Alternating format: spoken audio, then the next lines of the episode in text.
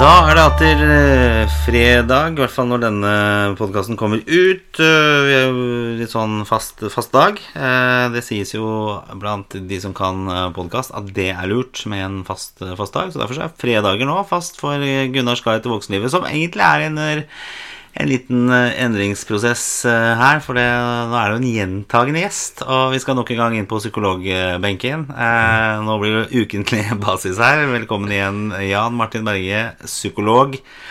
Takk for det. Og, og først og fremst gratulerer med dagen. Eller Det- gratulerer med ja, gårsdagen når vi spiller dette her. Ja, nei, tusen takk for det. Ja. Eh, hvor gammel blir du? Nå, du. I dag, nå kan jeg si at jeg er 40 år. Hvordan føles det å bli 40 år? Er det, er det, jeg husker jo ikke, det begynner å bli lenge siden. Ja, Nei, eh, det er litt blanda, men det er mest bra. ja, Og hadde en uh, veldig fin bursdag med, med min familie. ja, Uh, taco Republica. Litt sånn finere taco. ja, Uh, planen var å ta med på bowling. Ja. Bowling i Storgata, det er 18-årsgrense. Vi kom ikke inn. Kom ikke inn? Nei. Så da leide vi elsparkesykler til barna. Ja. Mens vi satte oss på Internasjonalen. Ja. Så satt vi og så på at de kjørte rundt og rundt den fontenen på Internasjonalen der. På Youngstorget. Ja. ja, mens dere drakk dere mer En enhet. En enhet, ja, ok. Og så spilte vi primetime, og så gikk vi hjem. ja, dere spilte primetime. Det er jo for øvrig Det er jo der jeg begynte å jobbe, sånn på dagtid. Sånn eh, dagtidsjobben. Primetime. Det er sånn live-quiz. Last ned Primetime-appen, og så kan dere spille quiz hver eneste kveld Ja, klokka sju. Så det er Men jeg har aldri gått hele veien der, da. Men det er morsomt allikevel. Nei, det, det, det er ikke så lett. Ikke heller. Jeg har klart Det elleve spørsmål. Jeg har klart bare å komme til spørsmål eh, ti. Ja, Ja, det blir 40 år. 40 år, så det blir litt feiring. Og så, ja, veldig, det føles eh, bra, altså. Så Ja. fram til å komme hit i dag og skal snakke litt om uh, arbeidsglede Ja. og jobbengasjement. Og, og det er litt sånn Jeg fikk, jeg fikk to, to foredragsforespørsler i går òg, som ble landa. Og det går jo på akkurat det temaet vi skal snakke om i dag. Ja, Arbeidsmiljø, eh, bedriftskultur, hvordan skal vi samarbeide? ja. Og, og, og mange vil også ha litt sånn ansvarliggjøring av mennesker i bedriften. Det er også ofte sånn bestilling, da. Spennende. spennende. Men jeg må jo nevne en ting, unnskyld at jeg avbryter, Ja, ja. siden sist. Ja. Det er en ting som står litt ut. Ja. Søndag ettermiddag, eh, Gunnar. Da var vi på Ramstein. Eh, Det dirrer jo fortsatt i kroppen. Det var eh, fantastisk kult. Eh, det, er, det er jo en eh, ikke en sånn superkonsertgjenger, men jeg må si at det her blei eh, Det var veldig, veldig veldig gøy. Veldig, veldig gøy. Og det jo, den har jo fått terningkast seks ja, overalt, og i min bok også terningkast seks. Vi satt jo veldig langt unna scenen og bakerst på, på Ullevål der. Eh, Men var, jeg bare tenkte på hvordan er det å være foran der. Nei, det vet jeg ikke, men For det rista eh, bra. Vi snakka ikke mye sammen, vi. Nei, nei, nei vi, sitter, vi er jo ikke sånne typer som sitter og prater Nei. under konserter. Vi kunne har- heller. Nei, For det har jo fått masse kritikk nå i det siste. At Ja. folk går på konsert for å stå og slarve. Og det var Robert Plant uh, oppe i nord et eller annet sted som hadde Altså legende, Led Zeppelin-vokalisten. Uh, mannen som har definert mye av musikken. Uh, og min store, en av mine store favoritter. Så står du jo ikke og skravler rett foran scenen der. Det, det gjør du ikke. Gjør det, vet du. Er det være med folk? Det er helt utrolig. En ny sånn sinna podkast på. Den ja, Jeg har snudd i elbil, elbil holdt på å si. Elsparkesykkelsaken. Ja, det har vi vært med på. Og så um, det, Vi prøver å ha en liten sånn recap av hva som har skjedd siden sist. egentlig Du har blitt 40 år. Vi har vært Ja. på Ramstein-konsert. Det er det som er Eh, og jeg har eh, blitt eh, invitert til den svenske ambassaden på representasjon. Wow. Så kom en mail her om dagen. Uh, Gunnar Gundersen er hervegen uh, invitert til representasjon i den svenske ambassaden og undertegnet ditt og datt. Og tenkte det var, det var kult. Det var morsomt. Uh, Så du skal til svenske ambassaden? Ja, det er vel en gang nå i, i september, tror jeg. Så skal jeg da rett og slett til den svenske ambassaden. Men er det pga. podkasten vår, eller? er- Jeg vil jo like å tro det, men eh, jeg tenkte først og fremst at det har vært så mye i eh, Sverige uh, i det siste. Så det de kanskje som er mye i Sverige At det er derfor jeg blir invitert. Ja. Uh, men det er jo rett og slett for at jeg leder for et svensk Ja, selskap. sånn. Derfor så Kult. ble jeg invitert, da. Så det er veldig gøy. Så, men det, Det blir spennende å høre på hvordan det, det, hvordan det blir. Ja, jeg tenker at jeg må kjøpe en sånn, sånn sjakett, sånn lang frakk, og så må jeg ha en sånn medaljer eh, videre. Jeg vet ikke om jeg får lov å ha med kona på dette her, men eh, jeg, jeg ser det for meg i hvert fall. Ja, ja men hvor bra. Så det er spennende. Så det, det er jo kanskje, kanskje det store høydepunktet. Sjakett er det vi kaller i Trondheim for sånn kyss meg i ræva-frakk. Antakeligvis. Det er sånn du sånn lang, Lang, frakk. ja. Sånn, Ofte kan ha på bryllup. Ikke sant? eh, Ja. Du velger enten smoking eller sjakett. Kyss meg i ræva-frakk. Ja, bra. Eh, og så føler jeg mye arbeidsglede om dagen. For det, jeg nevnte jo det forrige gang også, at jeg har eh, rett og slett uh, bytta jobb, og det er kjempegøy. Jeg har vært innom det tidligere, hva det er for noe primetime. Veldig gøy. Starte opp noe nytt. Uh, og vi ble også intervjuet, så jeg var jo i pressen denne uka her også.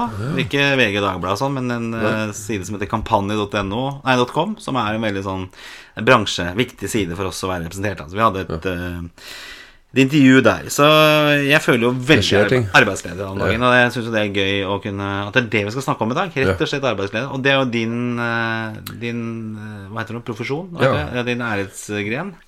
Ja, det starta egentlig som sånn øh, på kontoret når jeg jobba for mange år siden. Så fikk vi en sånn en, en, bestilling fra et kontor. Og så var det ingen på kontoret der jeg jobba som ønska å være utafor det kontoret. Nei. Det, det, den, det kontoret Jeg husker noen som kalte det kontoret for Den hemmelige tjenesten. Ja, det var ikke så mange som visste om det kontoret. Nei. Men da hadde de hatt møte, og så kom de ut til meg da, og spurte ja, Martin, eh, vi har fått en forespørsel. Ingen av oss vil ta på oss den. Nei. Det er snakk om å holde et tre timer langt foredrag og de, for en bedrift. Okay. Og de trenger en som kommer og snakker om arbeidsglede, og så er det lapskaus etterpå. Oi. Og da Jeg har jo litt sånn sida at jeg er litt sånn Litt impulsiv, kanskje litt impulsiv, men, men også litt sånn Jeg tenker kanskje en del av psykologrollen kan være å formidle. Ja. Og kanskje, hvis jeg klarer å gjøre det på en litt sånn underholdende måte øh, Og hvis jeg i tillegg kan øh, legge inn litt humor Ja. i sånne forskningsmessige forskningsmessig kunnskap ja. Du er trønder, så det er jo Ja, det er kanskje det også- i utgangspunktet, tenker Jo, jeg. det, det. jo, men det kan jo være at jeg kommer unna med litt Altså, mannlig psykolog fra Bærum, der jeg bor nå, det, det er ikke sikkert det er sånn kjempesjarmerende. Du må liksom vise at du ikke er det, alt det fordommene til, tilsier, at du er formell, selvopptatt. Litt sånn der, ordentlig, da. Jeg har litt sånn typisk psykolog som Ja. briller, kanskje, grått hår ja. Ja, nå må dere gjøre sånn og sånn, og det han, Ja, ikke det blir veldig mye mm, ja. Nei, så sånn eh, Ja. Nei, så, så, så Og det gikk jo over all forventning. Ja. Eh, folk var veldig fornøyd. ja. Um, så jeg tok for meg noen kapittel i noen bøker, og så bare laga jeg mitt eget eh, powerpoint ut av det. Men den presentasjonen, hvis jeg hadde sett den nå, altså, det hadde ikke jeg vært så stolt av, tror ikke jeg. Du tror ikke det? Nei, det var i 2009. Oi. Jeg håper at uh, Men det er sånn å være foredragsholder at du må hele tida forbedre deg. Så jeg håper jo at jeg, når jeg fremfører nå, så er det mye bedre enn det var i 2009. Men allikevel så er noe av sjarmen er der. Om- Spontaniteten kanskje Ja, er eh, og tilstedeværelsen og- 2019? Ja, det tror jeg. Og så tror jeg jeg er blitt bedre på å fortelle litt mer historier, og jeg det opp litt mer. Ja. Og så er jeg litt mer tryggere Jeg har flere eksempler. Men nå snakker vi egentlig om min sånn, liv som foredragsholder. Det er jo ikke det som em, skal være fokus i dag. Men, men det jeg ofte blir spurt om å holde foredrag om, er jo det vi skal snakke om i dag. Ja. Og det er hvordan skape arbeidsglede. Hva skjer med arbeidsgleden i tider med endring? Em, hvordan kan vi bli bedre til å jobbe sammen hos oss? Ja. Eller som jeg skal i gang med neste uke, så skal jeg ha lederutvikling. Eh, hvordan fremme indre motivasjon hos sine ansatte. Hvis lederne kan være med på å fremme indre motivasjon hos sine ansatte, så er det mindre turnover. Det- Økt omsetning, øh, mindre sykefravær, mer lojalitet. Det er bare gode ting da hvis du får ansatte til å bli indre motivert. Og du lyser jo indre motivasjon nå. Ja, ja, ja, Det er jo ikke en fyr som sitter og sier at du må gå på jobb nå. Nei, nei, nei, nei. Du har det, det inni deg, ikke sant? Ja. Ja. Og det er jo I dag så sitter jeg og har hjemmekontor. Eh, vi sitter jo da nede i mancaven her på Blomholm. Og det, det deilige er jo at jeg, jeg har ikke noe Jeg behøver ikke å si det til noen. Altså jeg, jeg trenger ikke å ringe inn til noen og si at jeg, jeg tar hjemmekontor i dag. Eh, men eh, eh, jeg hadde jo en podkast med Jeanette Carter for en, en, noen måneder tilbake og snakket om eh, det moderne lederskapet. Altså at det å være leder nå har endret seg veldig, veldig mye. Ja, jeg husker jeg sa det. Eh, fordi at man skal eh, mer motivere enn kanskje lede eh, folk. Det er ikke den fabrikkeieren lenger som står og peker. Peker og, og vifter gulrot og lønnspose foran ansatte. Ja. Ytre motivasjon.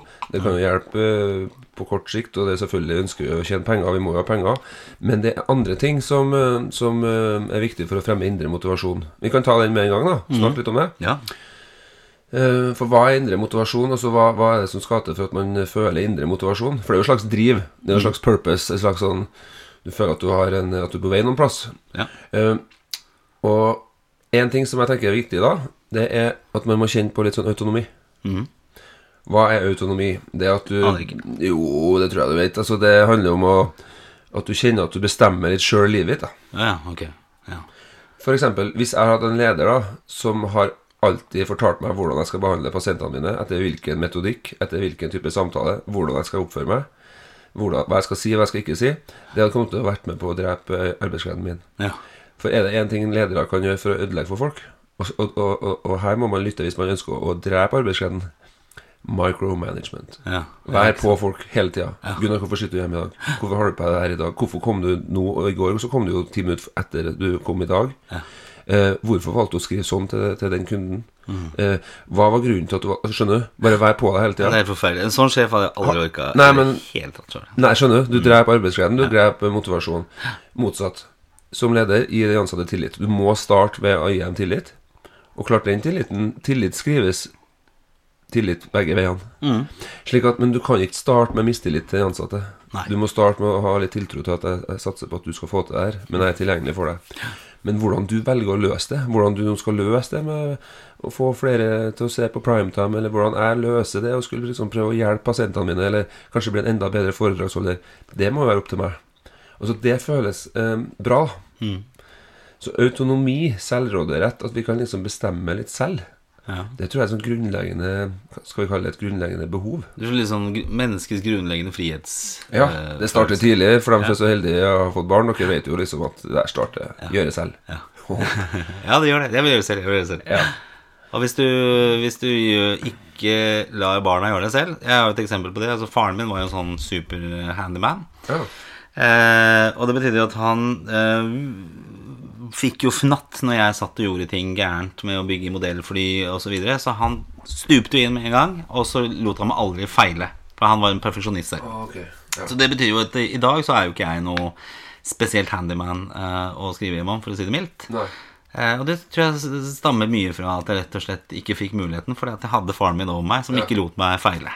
Ja, det kan være det, det, det, det kan, Vi kan være inne på noe der. Ja. Det tror jeg mange kan kjenne seg igjen i. Ja. Da blir det mik- mikrofonen litt, for nå Ja, har nå den snudd seg der sånn. du så Sånn, engasjert er her. der er ja. Nei, så det her er litt sånn i arbeidslivet, men også livet for øvrig, at det er litt sånn grunnleggende Så det at vi Ikke for å micromanage med deg, men du må snakke inn i mikrofonen. Så jeg beklager det. Nei, men det er jo også litt sånn eh, Jeg tenker ledere gjør lurt, ja. Det handler ikke om Og det er mange som syns at det er en destruktiv ledelsesstil. Det er la det skure og gå. Så når du gir meg en tips om å snakke litt nærmere, så, så tenker jeg det er fint. Ja. så, så uh, Nei, men la det skure og gå. Uh, det blir rapportert av de ansatte som destruktiv ledelse. ja. Det er interessant. Ja. Skulle tro at de ansatte Så lenge sjefen ikke sier noe til meg, så går det greit. Ja. Men øh, vi ønsker altså å bli sett. Ja, ja. Ja. ja. Så det- ting kan ikke skurre og gå. Uh... Jo, jeg tror vi, hvis vi har én personlighetsforstyrrelse i Norge, som folk, så er det den engstelige unnvikende. ja. At nå begynner vi, ja, litt sånn eh, Ja, vi tar det i morgen. Ja. ja. Og, og, men eh, det er ikke alle sånne konflikter på jobb, for det er det jo. Det er jo konflikter i, i, på arbeidsplassen. ja. Det er jo ikke så mange Det er jo ikke alltid at det går over av seg selv. Nei. Og da må en sjef inn og være litt megler. For jeg tenker at det, jeg tenker jo, hører jo, får jo rapporter om uh, konflikter på arbeidsplassen, og da tenker jeg alltid sånn Det er jo ikke rart at det blir krig her i verden. Nei. 4-50 personer ikke klarer å omgås eh, i små og mellomstore bedrifter, altså som, hvor det skapes masse konflikter. Men jeg tenker det kan også ha litt med med det klimaet som er etablert i et selskap også, hvor man eh, kanskje noen er overarbeida, eller det er, eh, det er skjev fordeling, eller eh, rett og slett ansettelsesmiksen da ikke helt eh, stemmer heller. At du har for mye av de like personene, eller Kanskje det, ikke sant? Så det er ni av ti forespørsler på foredrag til meg handler om hvordan kan vi samarbeide bedre og skape en bedre bedriftskultur. Så da har vi snakka litt om det med autonomi, da. Det å bestemme litt selv. Velge litt eh, At du har et valg. Jeg tror at det å ha litt valg i livet, det, det er viktig for oss å, å kunne kjenne på litt sånn selvbestemmelse. Ja. Et annet behov For det er tre behov jeg skal snakke om når det gjelder indre motivasjon. Det, et annet behov vi har, det er, og det har jeg blitt mer og mer opptatt av nå de siste fire-fem årene, det er at man får brukt seg selv og får følt mestring. Altså få brukt kompetansen sin. Mm. Og, og grunnen til at jeg er blitt mer opptatt av det de siste fem årene, det er fordi at jeg har jobba mye med olje og gass og i forhold til Aker-eide bedrifter. Mm. De er jo posisjonert veldig mye i olje og gass. Så jeg, jeg har liksom vært psykologen eh, for alle disse bedriftene. Og på psykologistudiet i Bergen så er vi opptatt i utviklingspsykologien av at barn skal mestre. Det er veldig viktig. Mm. Men det er ikke bare barn som trenger å mestre. Nei. Og det har vi jo på en måte visst, men, men jeg har blitt mer klar over det. Ja. Fordi når du begynner å lure på om du har jobb, når du begynner å merke at den oljekrisa kommer nærme, når du begynner å, å tvile på deg selv, Ja. det er ikke eh, greit. Og det kan vi jo kjenne oss igjen sjøl, er ikke du enig? At liksom det bruker jeg liksom Jeg håper vi kan kjenne på en slags mestring hver dag, da. Ja, og det, det, hvis føler du mestring, så, så går du hele tiden framover, ikke sant? Det er jo som en eh, er jo det fotballanalogien jeg ofte bruker, er jo det at hvis en spiss slutter å skåre mål, Ja. Så handler det jo ikke om ferdighetene, men det handler jo om eh, selvtilliten og, og mestringsfølelsen. At du, du mister den der eh, intuisjonen du har, da. Ja. Og det er ille. Så det, det er noe med behovet at vi må føle at vi får til noe. Jeg må føle at jeg, jeg tror at ja, Ideelt sett da, hver dag. Kjenne at du mestrer noe. Ja. Og det hjelper ikke hvor mye penger og hvor mange biler og hus og hytter du har. Altså, hvis du ikke sitter og kjenner på at du faktisk får til noe. Ja. Så det er litt sånn øh, kult å kunne si noe om, da. Hvor er det du kjenner mestring, egentlig? Og det er jo, og det er jo ikke sånn at vi hele tida bare har lyst til å, å kjenne øh, nødvendigvis glede hele tida. Vi syns det er kult med noen utfordringer. Ja, Ja. jeg synes det. Men det er, det er veldig viktig å mestre seg også. Ja, akkurat det. Men den tilfredsstillelsen av å mestre Den blir bedre også kanskje hvis man har jobba litt eh, At det har vært litt motstand. da Ja, Men det her er uavhengig av, eh, av eh, utdannelsesnivå. ok. Så det har ikke noe å si om du har doktorgrad, eller om du kommer rett fra barne- eller ungdomsskolen og rett ut i arbeidslivet. Ja. Det har ingenting med det å Så gjøre. det, hvis du er bilmekaniker, Ja. så den, fikser ikke den tennpluggen eller ja, Det er ikke peiling på hva som foregår. Det hørtes men, helt riktig ut for meg. Jeg kan ingenting om det. Veldig lite mestring. eh, Veldig lite Jeg har vært én dag operasjon Datsverk på et, eh, en, eh, et bil... eh, Hva heter det for noe? Et bilverksted. Jeg tenker jo at kanskje det Det var lite mestring. Ja, Men uh, apropos ditt yrke, da, psykolog, så tenker jeg av og til når jeg har hatt bilen inne, at jeg hadde hatt behov for noe krisepsykolog, for det er de regningene som ble presentert. det De kan jo si hva de vil. Ja, det er det som eh, Og de, de har en sånn der spesiell taktikk. Eh, ikke for å henge ut eh, bilmekanikere, jeg kjenner jo flere av dem, men de har en sånn spesiell taktikk. Så jeg på en måte liker litt han også. Det er at Hvis det er noe gærent med bilen din, så, så ringer de deg, og så sier de det at ja, totaksdysa er sliten nå, altså. Så du burde nok eh, skifte den. Og så tenker jeg, i det burde, så ser jeg for meg meg selv stående med den todagsdysa et eller annet sted. Bilen stopper. Så dette ordet du burde nok bytte. Eh, ikke du må, eh, men du burde nok bytte. Ja. Eh, og da bytter jeg. Ja, men, men, ja. Ja. Og den, hver gang jeg snakker med dem, så tenker jeg med en gang Hver gang de sier at én ting må endres, så tenker jeg ja, det er 5000. Ja, ja, ja, det er virkelig Jeg husker det var en gammel Jeg vet ikke om du husker Mad? Altså, Er det bra? Er det bladet? Ja. Og da er det Eller Mad eller Python, jeg husker ikke hvilke av de bladene det er. Dette er jo en referanse fra 80-tallet. Men um, da er det fra et sånt ehm, eh, undervisningssituasjon Dette er jo tegneserie. Undervisningssituasjon fra, fra, bil, nei, fra rørleggerskolen, er det Ja, ja. faktisk. Så er det sånn en som står på tavla og skal gjøre et regnestykke, så står det liksom 10 pluss 20 Altså er lik 5000. Så sier han eh, Altså han eleven skrev 5000, og så står læreren og sier 'riktig, riktig, riktig'. Ja, ja, ja. ja. Ja, veldig bra. Ja, ja, ja. Nei, så det er mestring, ja. Nå er vi på bilverksted. Nå skal vi tilbake til Arbeidslivet. Arbeidslivet, ja. mestring. For da har vi snakka litt om eh, autonomi. Velg litt selv. Og I det så ligger det jo en del tillit, da. Og så det å kunne oppleve å bruke kompetansen sin, altså kunne kjenne litt på at du faktisk mestrer noe, det er sen- kjempesentralt. Eh, det siste behovet, da, som eh, Vi har jo flere behov, men en, ting til jeg vil trekke frem, da, det er at eh, Husker Per Fugelli sa at du, du er ikke et ett-tall på jorda, sa han. Ta vare på flokken din. Ja, ja. Og vi er liksom laga for å kunne For å være flokkdyr, da. ja. Så jeg tror det er behovet for tilhørighet. da Eh, Det å kunne kjenne at du er del av noe, det kan være sterke krefter, og noe vi har behov for. Ja. Jeg vet ikke om det er noe med menn i 40-årene, men du har lyst til å være en del for seg sjøl. Men samtidig så har vi jo Vi vil jo ikke være Vi trenger jo å vite at det fins noen her òg. Har du kjent på det? Litt sånn, litt sånn det, det, det tror jeg går tilbake til den første, der er valgmuligheten. Da, der, ja. Du vil gjerne ha det. For jeg, jeg er helt enig i at jeg, jeg setter jo mer og mer pris på mitt eget selskap også, Ja. enn det jeg kanskje gjorde tidligere. Eller det har vel alltid liksom ligget litt der at jeg, jeg Ja, for det der begynner jeg å tenke mer på jo eldre jeg blir, merker jeg. Ja. At ja, det sosiale er kjempeviktig, eh, men ikke for enhver pris. Nei. Så det, Men det er jo litt sånn som du øh, Jeg skal jo på 40-årslaget ditt i morgen. Ja. Invitert. Det er mye folk og så videre. Så tenker jeg det er kjempehyggelig, men det er litt slitsomt også.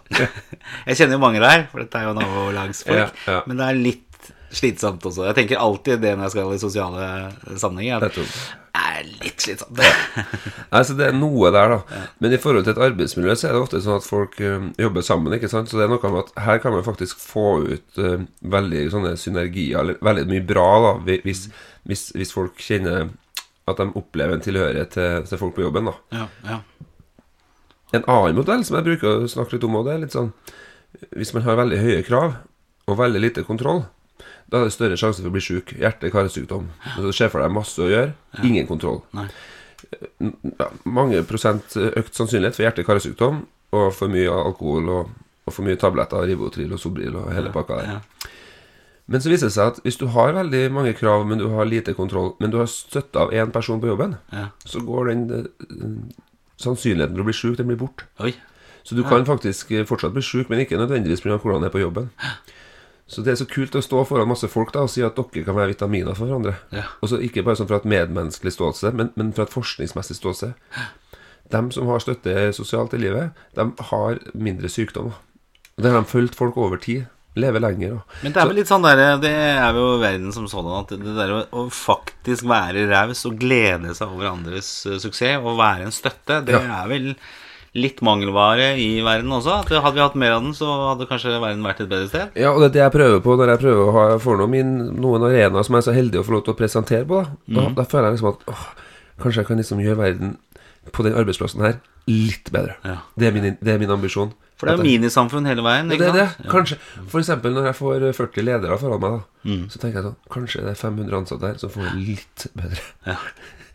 Og kanskje det, lederne kanskje litt mer forståelse for det menneskelige. Sånn syns jeg er veldig meningsfullt, da.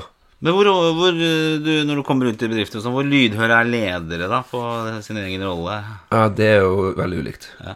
Men det er veldig mange som er veldig dyktige, altså. Ja, ja, Og, og det som er eh, med ledere, de ønsker å gjøre en god jobb. ja. Så som regel Men poenget er jo når de får i oppgave og skal begynne å endre seg selv litt. Det er jo da vi begynner å kjenne på at mm, det er mye bedre hvis de ansatte endrer seg, ikke meg. Og det er jo naturlig. Så man må bruke en del tid på å liksom anerkjenne litt som at ja, men her er du gjør mye bra, og, og du har gode intensjoner, men, men, men vi skal se Skal vi gjøre mer av det samme i måten du forholder deg til ansatte på, eller skal vi stoppe opp og så skal vi teste ut en annen måte å gjøre det på? Og så kommer du tilbake til meg, så snakker vi sammen igjen. Det er det som er kult, å gå ut i verden og teste ut alternativer. Ja. Men det er vel det som kanskje er litt vanskelig for, for ledergenerasjonen nå, da. For det, de, de er jo ofte i eh, 40-50-årene, kanskje, og Mm. står litt med én fot i hver tid. Altså hvor ting kanskje var mer hierarkisk tidligere, eh, mens nå skal man være mer en, en veileder, coach, det er helt andre krav som stiller til deg som leder, da. Det er akkurat det. Og da kan det være noen som f.eks. hvis du har utdannelse fra militæret, da, hierarki og sergeant og officer rank og sånn, og så går de på lederkurs og får høre at nei, nå er det veldig viktig med psychological safety. Ja, ja. Det kan jo være for noen bare sånn Hva i all verden? Skal vi begynne å Skal vi ha sånn eh, terapeutisk klima med psykologisk Jeg psykologisk ble jo trygghet? faen ikke leder for å drive og være psykolog. Skjønner du? Ja, ja, jeg skjønner. Men så viser det seg at eh, de, de teamene der folk opplever seg som trygge, da der man kan innrømme at man har tatt feil, f.eks., eller at man kan tørre å være usikker, mm. da er det jo De avdelingene gjør det konsekvent bedre enn andre. De har gjort forskning på det her. Ja. Og det er jo spennende. Når var det en leder som har vært leder i ti år, f.eks., sa til sitt team eh, Folkens, jeg må bare si en ting. I screwed up. Ja. Det skjer ikke ofte. Hvis det skjer, så kommer de ansatte til å huske på det lenge. Det er veldig mektig. Men du skal ha litt guts. Jeg husker når jeg var nyutdanna, så tenkte jeg ja, nyutdanna, nå kan jeg stille alle spørsmålene. Og så plutselig ble jeg spesialist. Spesialist i klinisk psykologi. Og så hadde jeg toårig videreutdanning i kognitiv terapi. Og så er jeg faktaundersøker, som er en sånn konfliktløse metode. Jeg er jo så mye spesialist nå at jeg kan jo ikke spørre om noen ting. Jeg skal jo liksom vite alt. Ja. Men sånn er det ikke. sant? Men, men det er liksom noe med at det reguleres av, eh, av hvor trygg du føler deg. Bedrifter som, eh, som, eh, som klarer å ha en sånn kultur at det er rom for å feile, f.eks., eller at man kan tørre å si fra, og, kanskje og ansatte føler seg trygge, de står i fare for å bli en lærende organisasjon. Så det her er jo spennende, for det handler om mennesker. Ja. Men det er, det er akkurat det med å feile. Det, jeg tenker at det er utrolig viktig. For er Ja. hvis, du, hvis du har et uh, bedriftsklima hvor du ikke tør å gjøre noe i frykt for å feile, Ja. da, da kommer du ikke langt. Og det var vel han eh, Ikke Charles Manson, men hva heter han? Virgin eh, Ja, han, ja. Branson. Branson, ja. Eh, Charles Manson. Ja, Charles, Det, handler, det er et annet sånn manipulasjon versus motivasjon. Han fikk jo andre folk til å ta livet ja, folk. folk ja, men så tenker jeg på tenker Virgin, ja, Virgin, ja, Branson, ja. ja. Branson. Eh, Og for han hadde et foredrag eh, på et seminar jeg var på for en del år tilbake, og han sa jo det at det man skulle gjøre, var å gi prisen til selvfølgelig de som hadde gjort suksess, men de skulle også gi pris til de som hadde fucka opp mest. Okay. Ja, for det, det han mente, var at det var mye, mye bedre å prøve Ja. enn å ikke prøve i frykt for å feile. Nettopp. Og det er mange enig i teorien, men i praksis så er det ikke så lett. Det er ikke sikkert at den prøvinga ser så bra ut på bunnlinje eller topplinje eller hva det måtte være, da, ikke sant? Nei. Eh, Og man ikke har råd til å feile også. Jeg er jo i en situasjon nå hvor jeg skal starte opp et selskap, eller start, driver et selskap nå, og, og, og har vel ikke råd til de store brølerne, rett og slett. Så jeg tenker at der eh, vanker det ikke så mye premier for feiling eh, i første året, i hvert fall. Nei, og det, det der eh, Ja, det er spennende, og jeg skjønner det kjempegodt. Ja, Men du må allikevel gjøre ting. Jeg, jeg tenker jo på meg selv også når jeg, når jeg sitter og knoter med dette her, og går inn på en del områder som jeg ikke har vært inne på før. Eh, og da må jeg ta noen sjanser også, da. Ikke sant? Ikke være redd for å feile hele tiden, for da kommer jeg ikke noen vei. Da blir jeg sittende Nei, på kontoret det. og ikke, ikke snakke med noen. Og selv, sånn som du nå jobber jo veldig selvstendig, så har du jo folk du sparer med. Ja da, Det er jo sånn ja, du, du virker som du er i møter hele tida. Ja, det er Så det er noe med i sam, Du må bruke deg selv, men samtidig spare med, med folk rundt deg. Men samtidig er dette såpass nytt produkt, så det er lite referanser å hente andre Ja, steder. Og det er eh, litt sånn Mars-landing, eh, hvor tyngdelovene er annerledes, ja. egentlig.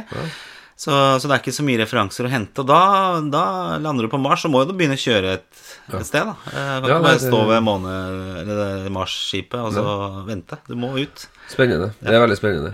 Og så, så, så min utfordring når jeg, når jeg snakker med folk om det her temaet, er jo å bli kjent med dem, så jeg vet litt hvem jeg snakker til. ikke sant? Ja. For det er ikke alle som driver med sånn innovativt uh, breakthrough Mars-landing, mens mange er i jobb og gjør en vanlig god jobb eh, på samme jobben de har vært i 15 år.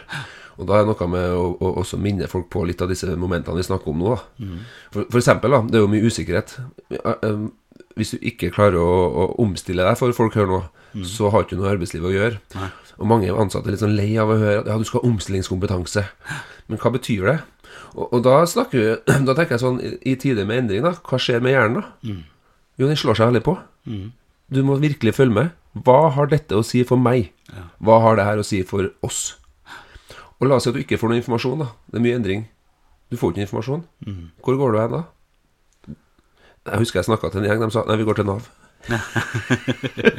ok, men før, før du går til Nav, da. Nei, da tenker jeg at man går opp til fantasilivet. Og Gunnar, Ja. svar ærlig nå. Har du noen grenser i ditt fantasiliv?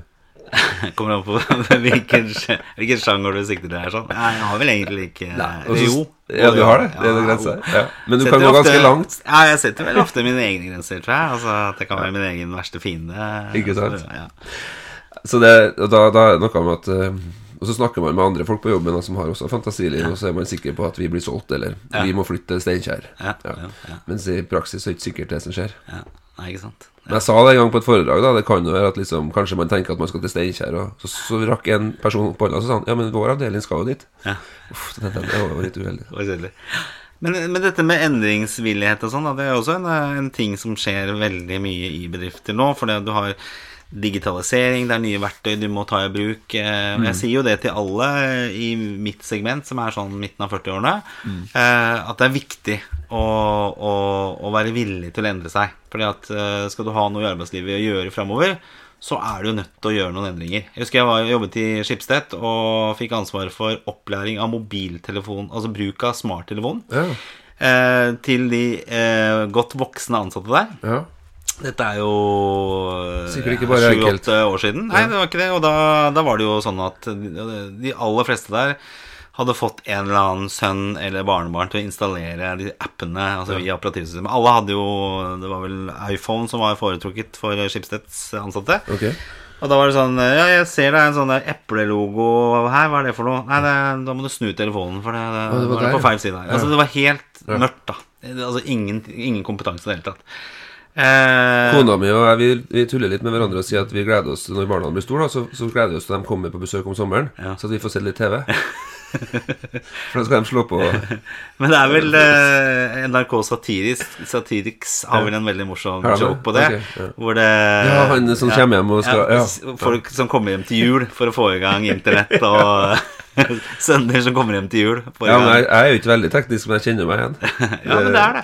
Og det er vanskelig. Og jeg tenker det der, Når du er i et eh, litt sånn skjæringspunkt da, jeg, tenker, det er jo, fort jeg, mye. jeg tenker jo mye på eh, alder når det kommer til jobb. Ja. For Vi snakket om dette med lederskap og sånn. At eh, kanskje eh, mitt, mitt neste Nå er jeg for så vidt en leder. Men kanskje min, min uh, sikkerhetsnett uh, videre da, er jo å bli en leder. Uh, det vil si at når jeg ikke er ung og lovende lenger, så må jeg bli en leder. Og da er jeg 50. Eh, og, det, og det er litt sånn derre Det er ikke sånn det kan være alle altså, le, Og lederen blir vel også yngre. Men det å være liksom begynne å bli godt voksen, fortsette inn i arbeidslivet og være fortsatt eh, aktuell Ja. eh, Jeg tror det handler jo mye om egen innstilling også.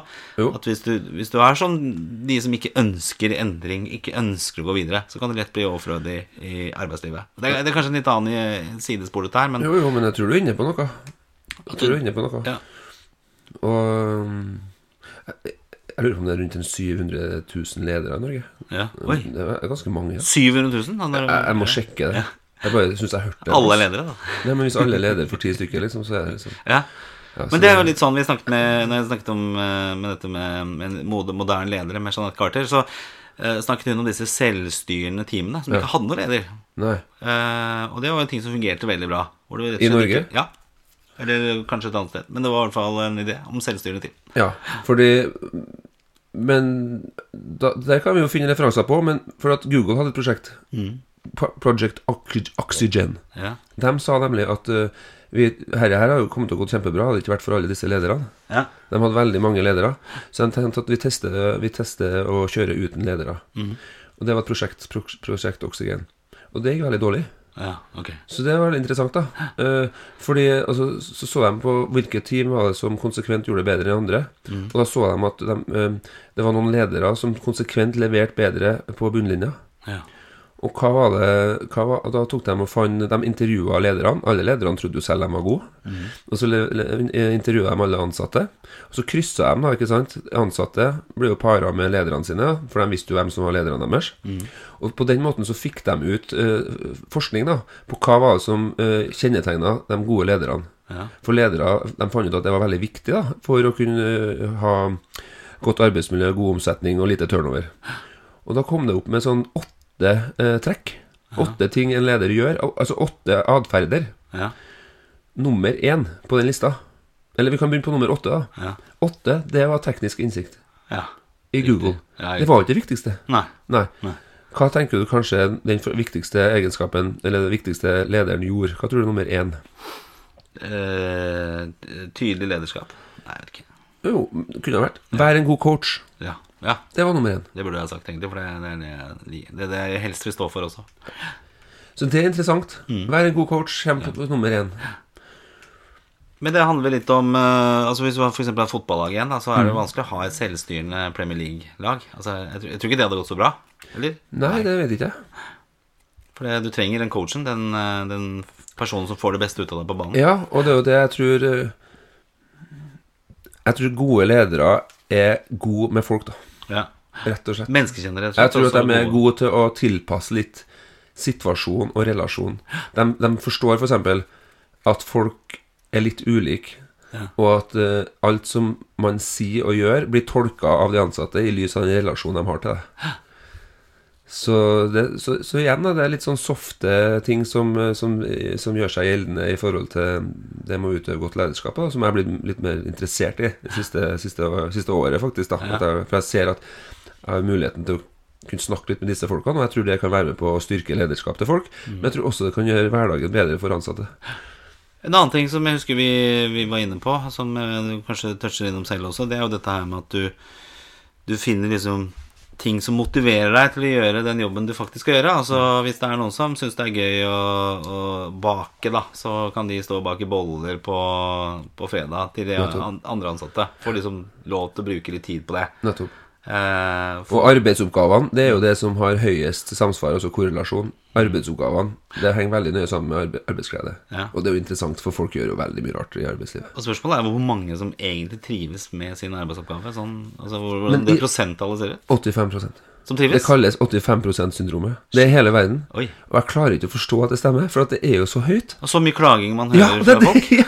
Så en teori, da. Nei, faen. Jeg Det er, ja, men du, for eksempel, her, eh, analogi, da. Mm. Hvis du har øh, bodd Hvis du har kjøpt deg et hus eller leilighet, da. Eller enda verre, eh, hytte. Ja.